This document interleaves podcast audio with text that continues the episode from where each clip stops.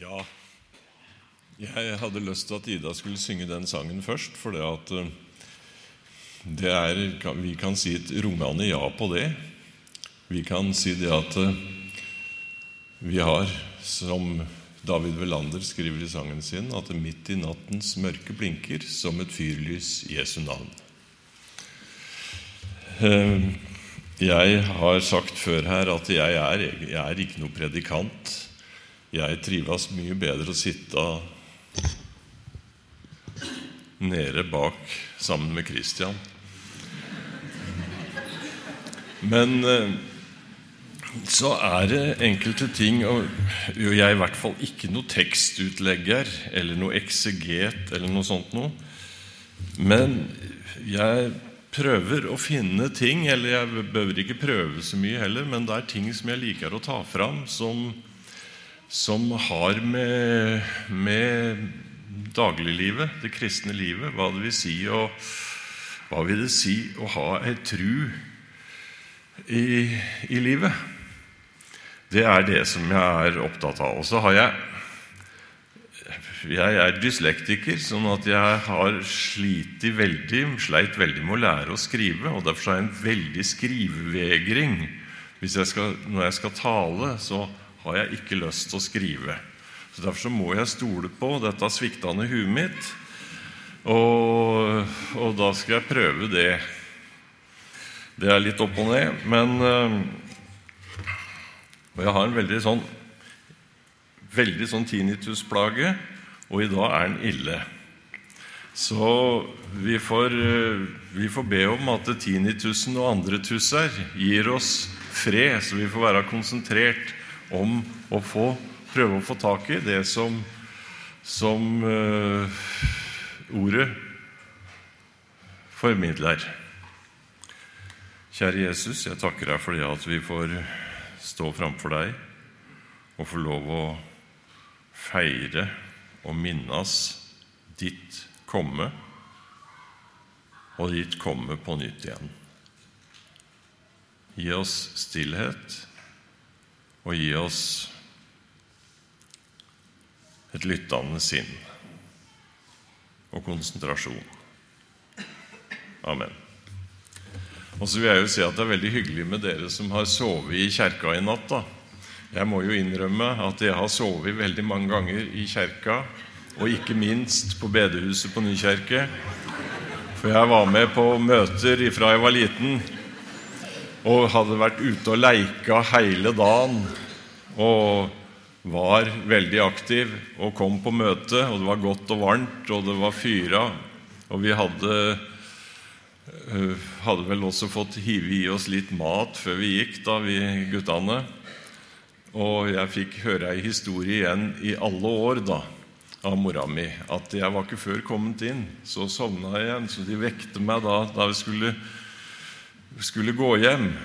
Og så sa jeg dette var et forferdelig kort møte. Så hvis dere ikke har fått sove mye i natt, så kan dere jo ta igjen litt uh, nå. For at uh, det er trygt, det også. Jeg husker til og med hvem som talte på det møtet, sjøl om jeg sov. Han het Kristoffer Hetland. Ja, tekstene i her Får jeg plukke opp alle lappene mine? De står ikke noe med talen i dag på. Men tekstene i adventstida de handler om Jesu komme, og da først og fremst om det, den hovedsaken i trua vår at Jesus kommer igjen. Vi leste, vi leste hva vil si søndag, tenker jeg, teksten om når Jesus rei inn i, i Jerusalem for å vise dette at han kom som den fattige kongen. Han kom på en helt annen måte enn det makthaverne gjorde. Men hovedsak i adventstekstene det er også det at han skal komme igjen. Og da kommer han på en annen måte. Da kommer han som seierherren og bekreftelsen på Guds storhet. og det som er lova oss. Og alle de tekstene som er for, eh, for søndagen i dag, har jeg, har jeg lest og gått igjen, tenkt på med, med, sånn med denne talen her i dag. Jeg blei spurt veldig tidlig av, av, av Morten Ascher om jeg kunne tale andre søndag i advent. Og da var jeg optimist og sa at ja, det er så lenge til, så det skal jeg si ja til med en gang. Så da kan jeg i hvert fall si at denne talen har gleda en allerede, for Morten glemte å skru av telefonen da han, da han var ferdig å snakke med meg, og så sa han 'Ja, da er den i boks', sa han. Så, så det er fint. Men og det, Måten jeg gjør det på da, det er at jeg med en gang og jeg tror Mens jeg snakka med Morten, så, så spurte jeg hva er tekstene. Og når jeg hørte de tekstene, så sa jeg ja, de har jeg lyst til å si noe om. Og Det ene dette, det er fra Johannes 14, 1-4. Og da leser jo jeg Jeg snakker breit Vestfold-dialekt. Jeg vokste opp i E18s grøftekant, bokstavelig talt. Så jeg snakker breit vestfoldsk, og så leser jeg nynorsk. Lat ikke hjarta dykkar uroast. Tru på Gud og tru på meg. I huset til far min er det mange rom. Var det ikke slik, hadde jeg da sagt dykk at jeg går og vil gjøre klar en stad til dykk. Og når jeg har gått og gjort klar en stad til dykk, kjem jeg att og tek dykk til meg. Og dit jeg går, veit de vegen. Seinere i denne teksten her så sier jo Jesus at eh, 'jeg er veien, sannheten av livet'. Det er derfor vi kan vite av veien. Det dreier seg om å møte med Jesus. Det er det som er veien. Og så er det to tekster til. Det, salme, det ene er Salme 33, 18-22. Og Der har vi allerede synget Børud-sangen, som er henta rett ut fra Salme 33, der det står at Men Herrens auge hviler på deg som frykter ham.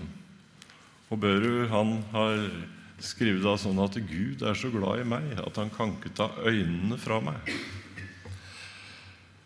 Men Herrens auge hviler på deg som frykter ham, og venter på hans miskunn så han kan fria deg fra døden og holde deg i live gjennom hungersnau. Vår sjel venter på Herren. Han er vår hjelp og vårt skjold. Vårt hjerte gleder seg i Han. Vi set vår lit til Hans heilage navn. Lat de miskunn være over oss, Herre. Det er deg vi venter på. Det var tekst nummer to. Og tekst nummer tre, som jeg hadde tenkt kanskje å, å stoppe mest for, på en måte, det er ifra hebreerne, hebreerbrevet, ifra det sjette kapittelet og vers 13-19. Da Gud gav Abraham lovnaden, svor han ved seg sjøl for han hadde ingen større å sverge ved. Han sa, Sannelig, jeg vil velsigna deg rikt og gjøre et av de tallrik uten ende. Og Abraham venta med tålmod og fikk det Gud hadde lova han. Mennesket svær ved en som er større, og eiden er ei stadfesting som gjør ende på alle innvendinger. Gud ville gjøre det helt klart for deg som skulle arve lovnaden, hvor urokkelig hans avgjerd var. Derfor gikk han god for det med en eid.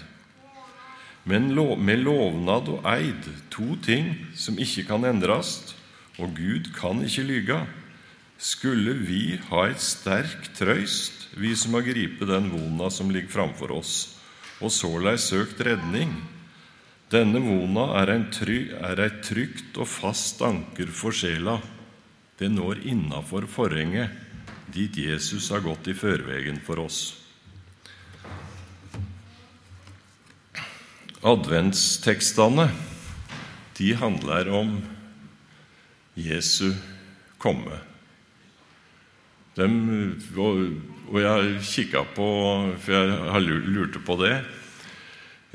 Hvor lenge har Den kristne kjerka hatt et annet kalenderår enn den, enn den offisielle kalenderen?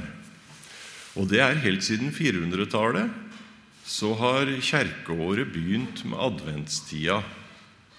Og det var fordi det var makt på Og, og så har det fulgt da utover liksom tekstene som skulle brukes i, i, i gudstjenester. Og de troende har ifra den første tid samles på søndagen for å feire at det er Jesu Kristi dag.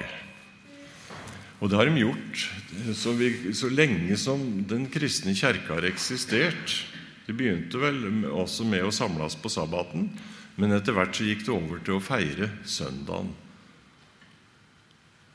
og ha, det, ha gudstjeneste der. Og de, de, valgte tekster og utvalg. Seinere, når kirka ble mer etablert, så valgte de tekster som fulgte, fulgte Jesu liv. Vi har jo ulike navn på det. Og det begynte med med adventstida, som skulle feire og framheve Jesu komme og Jesu komme igjen. Og Det er nok en tanke som har vært lite jeg, jeg, For noen få uker siden så hørte jeg en tale som om en taler, Terje Bjørntvedt, som snakka om at Jesus kommer igjen. At det er forventningen. Det er en grunntanke i vår kristne tru det at Jesus kommer igjen. Ellers er det veldig lenge siden jeg har hørt det. Men adventstekstene de skal i hvert fall gjøre sånn at vi skal bli minna på det hvert år. Og Derfor så syns jeg det passa så fint dette her å synge sangen om at jeg vil lytte etter lyden av hans trinn. Det er et særkjenne ved kristentrua, dette er at å leve i forventninga til at Jesus kommer igjen, og han kommer til meg. Det er også en del av forventninga. Så, så det er det er veldig, veldig godt også få minnes dette her sånn at vi, vi har ei tru som går framover. Og når, når, når Hebrevbrevet skal fortelle og slå fast For vi kan jo komme og være i tvil på dette her. Er det virkelig sånn? Kan jeg virkelig tro dette? Og så, når Hebrevbrevet skal, skal slå fast dette her, hvor trygt og fast dette håpet vi, er, vi har, så er det ganske, ganske Og jeg tror det er et, et eksempel på på en, på en, en bevisførsel som du finner i, finner i, Bibelen, og finner også i østlig tankegang.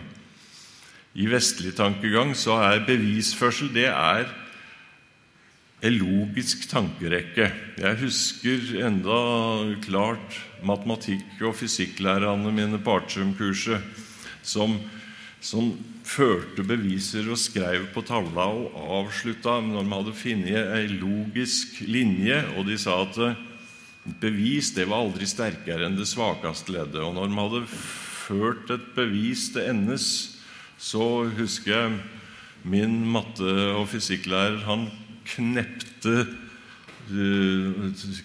tok og streka to streker under det siste svaret, og så knepte han krittet i tavla så det smalt, og så sa han 'Hvilke skulle bevises?' Men her har vi et eksempel på en helt annen måte å bevise, bevise på. Når Hebrebrever tar fram og Nå er det teologer som sitter her og hører på meg, så de kan korrigere meg sikkert etterpå, men jeg tror at det er riktig at vi finner en sånn parallellisme og her, når, når hebreerbrevet forfatter skal slå fast hvor sikkert Hvor sikkert vårt håp og det vi tror på, hvor sikkert det er, så trekker han fram tar han og gjør rede for Abrahams løfte, løftet til Abraham. Også, og, og, også der Abraham han fikk å telle stjernene men så kan han henvise til at det blei som løftet til Abraham var. Og like sikkert som det var, og jeg, for meg har det blitt eh, stort å tenke på i det seinere, at eh, hvis jeg lurer på det håpet og den trua, trua jeg har, hvor sikkert det er, så kan jeg ta et blikk på Israel.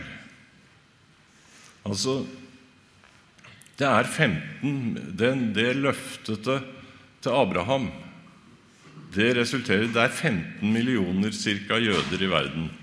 Og det på tross av europeernes brutale forsøk på å utrydde dem, så er det 15 millioner jøder i verden i dag. 6,5 av dem er i Israel. Så jeg kan tenke på det der, og så kan jeg si at like sikkert er det at jeg har et evig håp.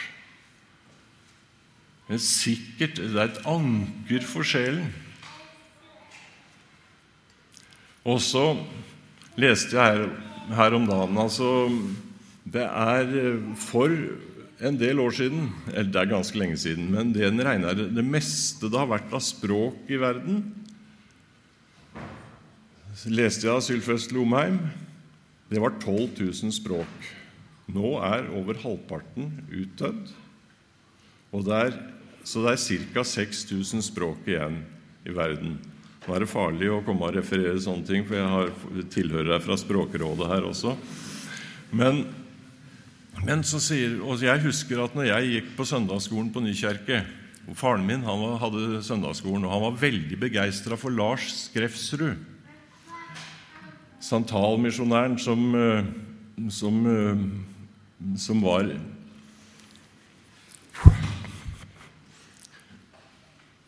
rekruttert fra botsfengselet.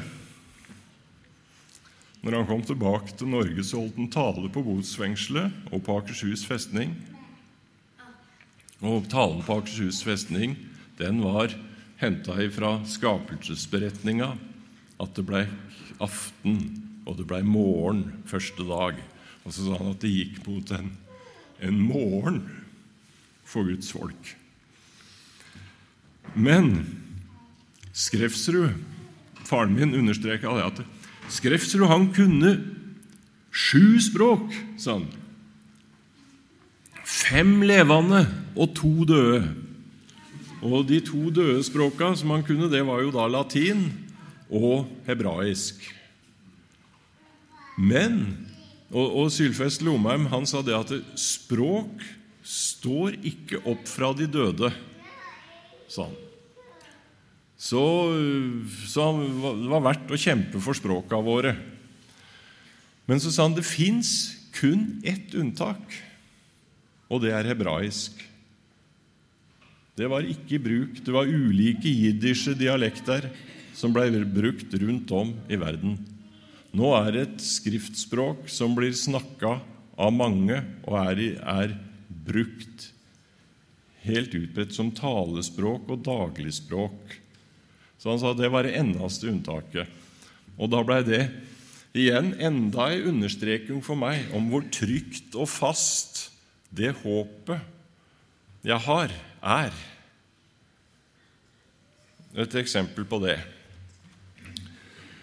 Og så er det at dette her at Jesus kommer til meg og lever i denne trua Luther han sa jo det at han, han gikk hver dag en tur om si grav for å tenke gjennom det håp han hadde. Det var sikkert i tanken. Og, og for meg så er det, er det, veldig, det er en viktig del i livet mitt det at Jesus kommer til meg, at jeg får lov å leve i samfunn med Han. Og siden her det står at I salma som vi leste, så står det det at, at Herrens øyne hviler på oss. Men det er flere sånne eksempler som står i Bibelen. Det står f.eks. at Herren har fortrolig samfunn med dem som frykter ham. Og det står også at jeg vil lære deg og vise deg den vei du skal vandre. Jeg vil gi deg råd med mitt øye. det er folk som kan gi oss råd med, øye, eh, med sitt øye. Det hender at jeg sjøl jeg oppfatter det, at jeg får et signal og et blikk som gjør at jeg, at jeg vurderer det. Så, og det er, det er en fantastisk Dette her forholdet og dette her, også det håpet som vi er kalt inn i, og som vi nå når vi skal når vi skal feire, feire jul også, så skal, vi, så skal vi minnes det at han kom, men at han kommer igjen til oss. Og, og jeg har levd i det Dette håpet har jeg, har jeg levd i hele mitt liv, i grunn. Uh, før i tida så var det, var det, jo en kommune i Vestfold som het Botne. Og det er mange av dere som er derfra, så det kan godt hende at dere kjenner det. Jeg var i Jeg har familie i Botne, og der jeg hadde en fetter som døde i ei traktorulykke, 15 år gammel. Og da var jeg seks, tenker jeg. Fem-seks. Men men jeg hadde veldig beundring for han fetteren min, for han var han, eh, han fantastisk, hadde fantastisk sangstemme. Så jeg husker han satt på melkerampen hjemme ved, ved, ved, ved E18 ved Kopstadkrøsset og så sang Paul Ankas 'I Love You Baby'. Og jeg jo, er jo en ivrig lytter på P1 pluss. Og jeg har jo sjøl for 14, under 14 dager siden så hørte jeg originalen med Pål Anka. Og jeg syns at Leif Vatnars tolkning på melkerampen på Nykjerken når jeg var liten, enda var bedre enn originalen. Han var nok veldig musikalsk. Broren hans uh, eh, utvikla jo det mer seinere og var i mange år en uh, betydelig medlem i Ramnes og Våle og eller Orkesterforeningen i lokalområdet her. Og han var vel også annenfiolinist i Vestfoldsymfonikerne etter hvert. Og han begynte først å spille av fele når han var 18-20 år. Men broren Leif han var nok også veldig, veldig eh, musikalsk. Og så var han et stort idrettstalent. Jeg var på sjukehuset en gang når jeg var 18 år. og Da kom det inn en, en, en mann som hadde boksa. Han var bryter og bokser, han hadde fått knust nesa. Og jeg gikk på skøyter, så vi snakka idrett. Og så var han fra Botne. Og så sa jeg at jeg har mye slekt i Botne, sa jeg. Og så sa han Han fortalte jeg hvem det var. Og så sa han han var Nordre Vestfolds største idrettstalent sa han da han var guttunge. Han hoppa eggeskallet ned, og han spilla fotball, og han var helt suveren. Men jeg er et forferdelig følelsesmenneske, og når jeg er litt trøtt og sliten, så er jeg enda verre enn vanlig. Men, eh, men denne Leif, når han kjørte traktor de siste gangene så hørte de en sang ifra jordet. Ungdommens lykke er samfunn med Gud. Vite seg fri, være Frelserens brud. Kjenne den kraften som allting formår, eie den freden som aldri forgår. Og så siste verset. Ungdommens lykke er himmelen til sist, evighetsliv uten savn eller brist. Og jeg må si at det vitnesbyrdet det har vært viktig for meg hele livet. Så jeg kan si som en annen kar som jeg kjente, som fortalte han hadde hatt fire barn. To av sønnene hans mista han. Og han sa at de to guttene har vært til veldig velsignelse for meg. Sånn. For de står hver dag på andre sida og roper på meg. Det er grunnleggende og er en hovedsak i vår tru. Jeg veit at min gjenløser lever. Jeg har et Og det som Jesus fortalte, vi har en bolig i himlene. Og det, I Kolossebrevet så står det jo faktisk, når vi blir oppfordra til å la sinnet vårt og hugen vår stå til det som er der oppe, så står det at, dere, at vårt liv er skjult Der det står skildra at, at, at, Jesus sitter ved Guds høyre hånd, så står det at deres liv er skjult med Kristus i Gud. Så det er så sikkert og fast altså, at det er akkurat som om vi er plassert der allerede. Så det var eh, det jeg hadde lyst til å dele med dere. Ta, for dette her har med, har med, liv å gjøre. Og så jeg, jeg skal ta ei historie til. Jeg var i militæret på Banak flystasjon i Lakselv.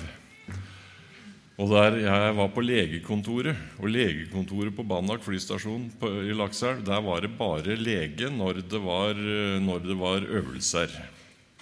Ellers så var det en sanitetssoldat som satt der hele dagen. Og så hver gang det var flylandinger, så sprang vi i ambulansen, og så kjørte vi ut, og så sto vi vakt ved stripa. Og vi hadde samme bygning som brannstasjon. Og så og, og, der var jeg det jeg visste, aleine kristen. Og de andre visste om det. Og så var det en, en kar som jobba på, på brannstasjonen. Som jeg visste at han var Eller jeg trodde han var finnmarking, var, men jeg visste at han var sånn rocker og spilla i et lokalt rockeband. Og så En gang så, nei, så gikk han i gangene så sang han, den som vi sang her nå, at i den stille, klare morgen gikk han og nynna på. Som når dagen travles der. Og så spurte jeg han har du noe kristen tilknytning, siden du går og synger på den, eh, synger, nynner på den sangen der. i den stille, klare morgen. Ja, sa han. Jeg, jeg vokste opp i, eller jeg var med i pinsemenigheten i Lårdal når jeg var liten guttunge. Og da lærte jeg de sangene. Og så sa han at Men har, har ikke du ei Så han visste om ei sangbok, og det var, det var Maranata til pinsebevegelsen. Så han sa kan ikke du ta med deg Maranata, sa han, og så, og så vi oss, tar jeg med meg gitaren. Og så setter vi oss ute i trappa til brannstasjonen, for der er det så fin akustikk, og så synger vi sånn.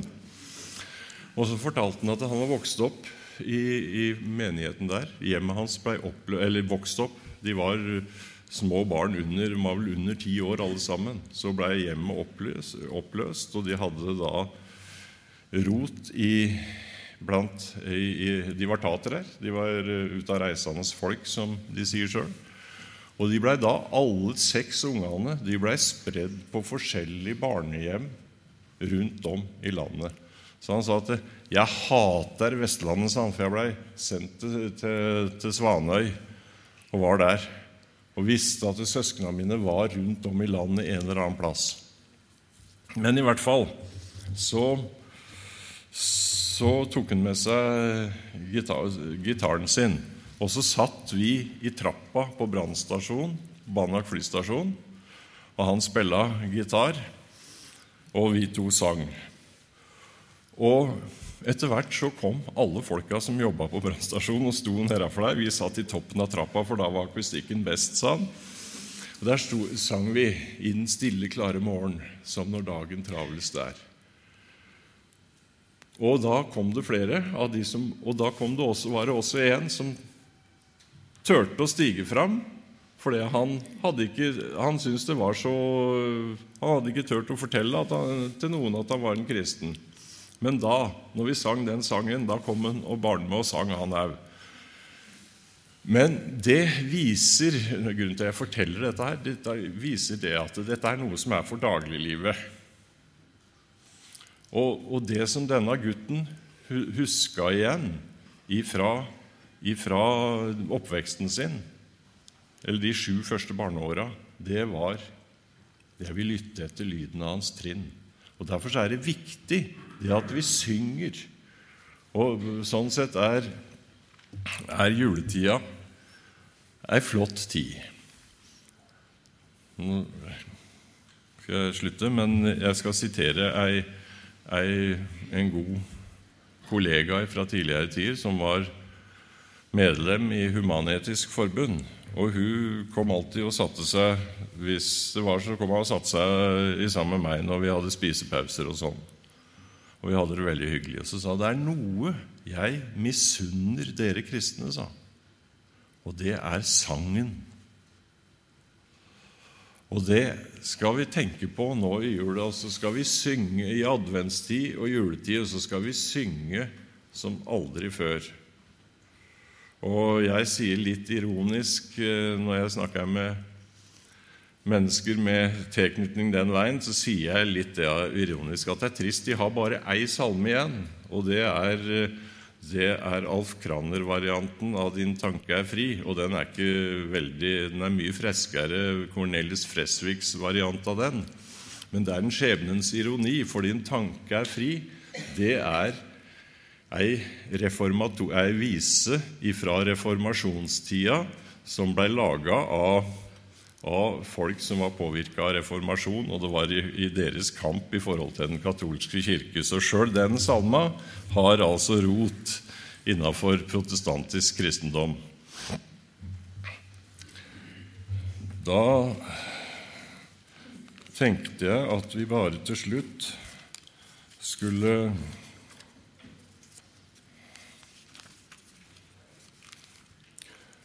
skulle samles i bønn i den avslutningsbønna som var i Salme 33 i teksten. Lat de miskunn være over oss, Herre, det er deg vi venter på. Og så vil jeg bare si litt at jeg er veldig glad for at Ida ville være med og synge, for da har jeg litt mer mot til å stille meg fram og vitne. Og Ida hun har vært glad i å synge fra hun var bitte liten. Og så har hun vært, også vært veldig spretten og sprek. Så Ida hun er den eneste jeg har sett som har stått i en sofa lavere enn, en bordet hun var ikke mer enn to år, tror jeg. Eller var kanskje ikke det. Hun hadde, var hjemme på ferie fra for foreldrene var i Nicaragua, jobba i Nicaragua. Så hun var blitt døgnvill, så hun våkna sånn i halv elleve-ellevetida. Og da var hun på fullt. Og Da hoppa hun spratt opp og ned i en sofa, og den var betydelig lavere enn eh, salongbordet. Men Ida presterte å slå stiften og lande oppå salongbordet. Så det er den eneste jeg har sett henne gjort. Så, så, Derfor så er jeg veldig glad for at hun vil være med farfar og, og synge. For det har hun gleda meg med helt ifra hun var liten. Sang og hoppa og spratt. Så, og så lurer jeg på om jeg skal ta meg en liten frihet når jeg er ferdig med talen. Skal jeg ta meg en liten frihet og så lese et litt depressivt adventsdikt som jeg skrev for noen år siden. Nå er det jo heldigvis litt hvitt på bakken nå, da, men, eh, men da var det fryktelig mørkt. Og da skrev jeg mørkt om morgenen, mørkt om kvelden. Skulle helst blitt under fellen, likevel så må jeg opp. Det er best for sinn og kropp. Sola står opp fem på elleve og forsvinner kvart på tolv. Ikke rart at gamle nordmenn frykta skrømt og tuss og troll. Uff, på sånne mørke dager kjennes ensomheta nær. Vinden leer seint vemodig, gråe, nakne asketrær. Åkerstubben, trist og grå, er der skispor skulle gå. Kvelden føla, føla svart som natta, hører såre mjau fra katta. Men mot denne mørke bakgrunn blir vel lyset mer nært, det å dele julas budskap kanskje enda mer kjært. For nå trengs det lys og fest og alt det som gleder mest. Alle kommer hjem til jul, mest som englene i skjul. Tenk å sitte seint og prate, lys på bordet, frukt på fatet, alle samla rundt et spell, det er ordentlig romjulskveld. Snakke litt om ting vi leser eller ikke helt forstår. Lytte stille, spørre andre, og så fort som tida går. Dette gir de gode minner som vi daglig lever på, ligger der og stadig skinner, sjøl når dagene blir grå. Julas budskap er for alle. Det gir sinn og tanke fred. Takk, vår Gud, fordi du sendte verdens frelser til oss ned. Så beklager jeg at jeg var enda mer rotete enn jeg pleier å være i dag, men uh, husk på han kommer til Voss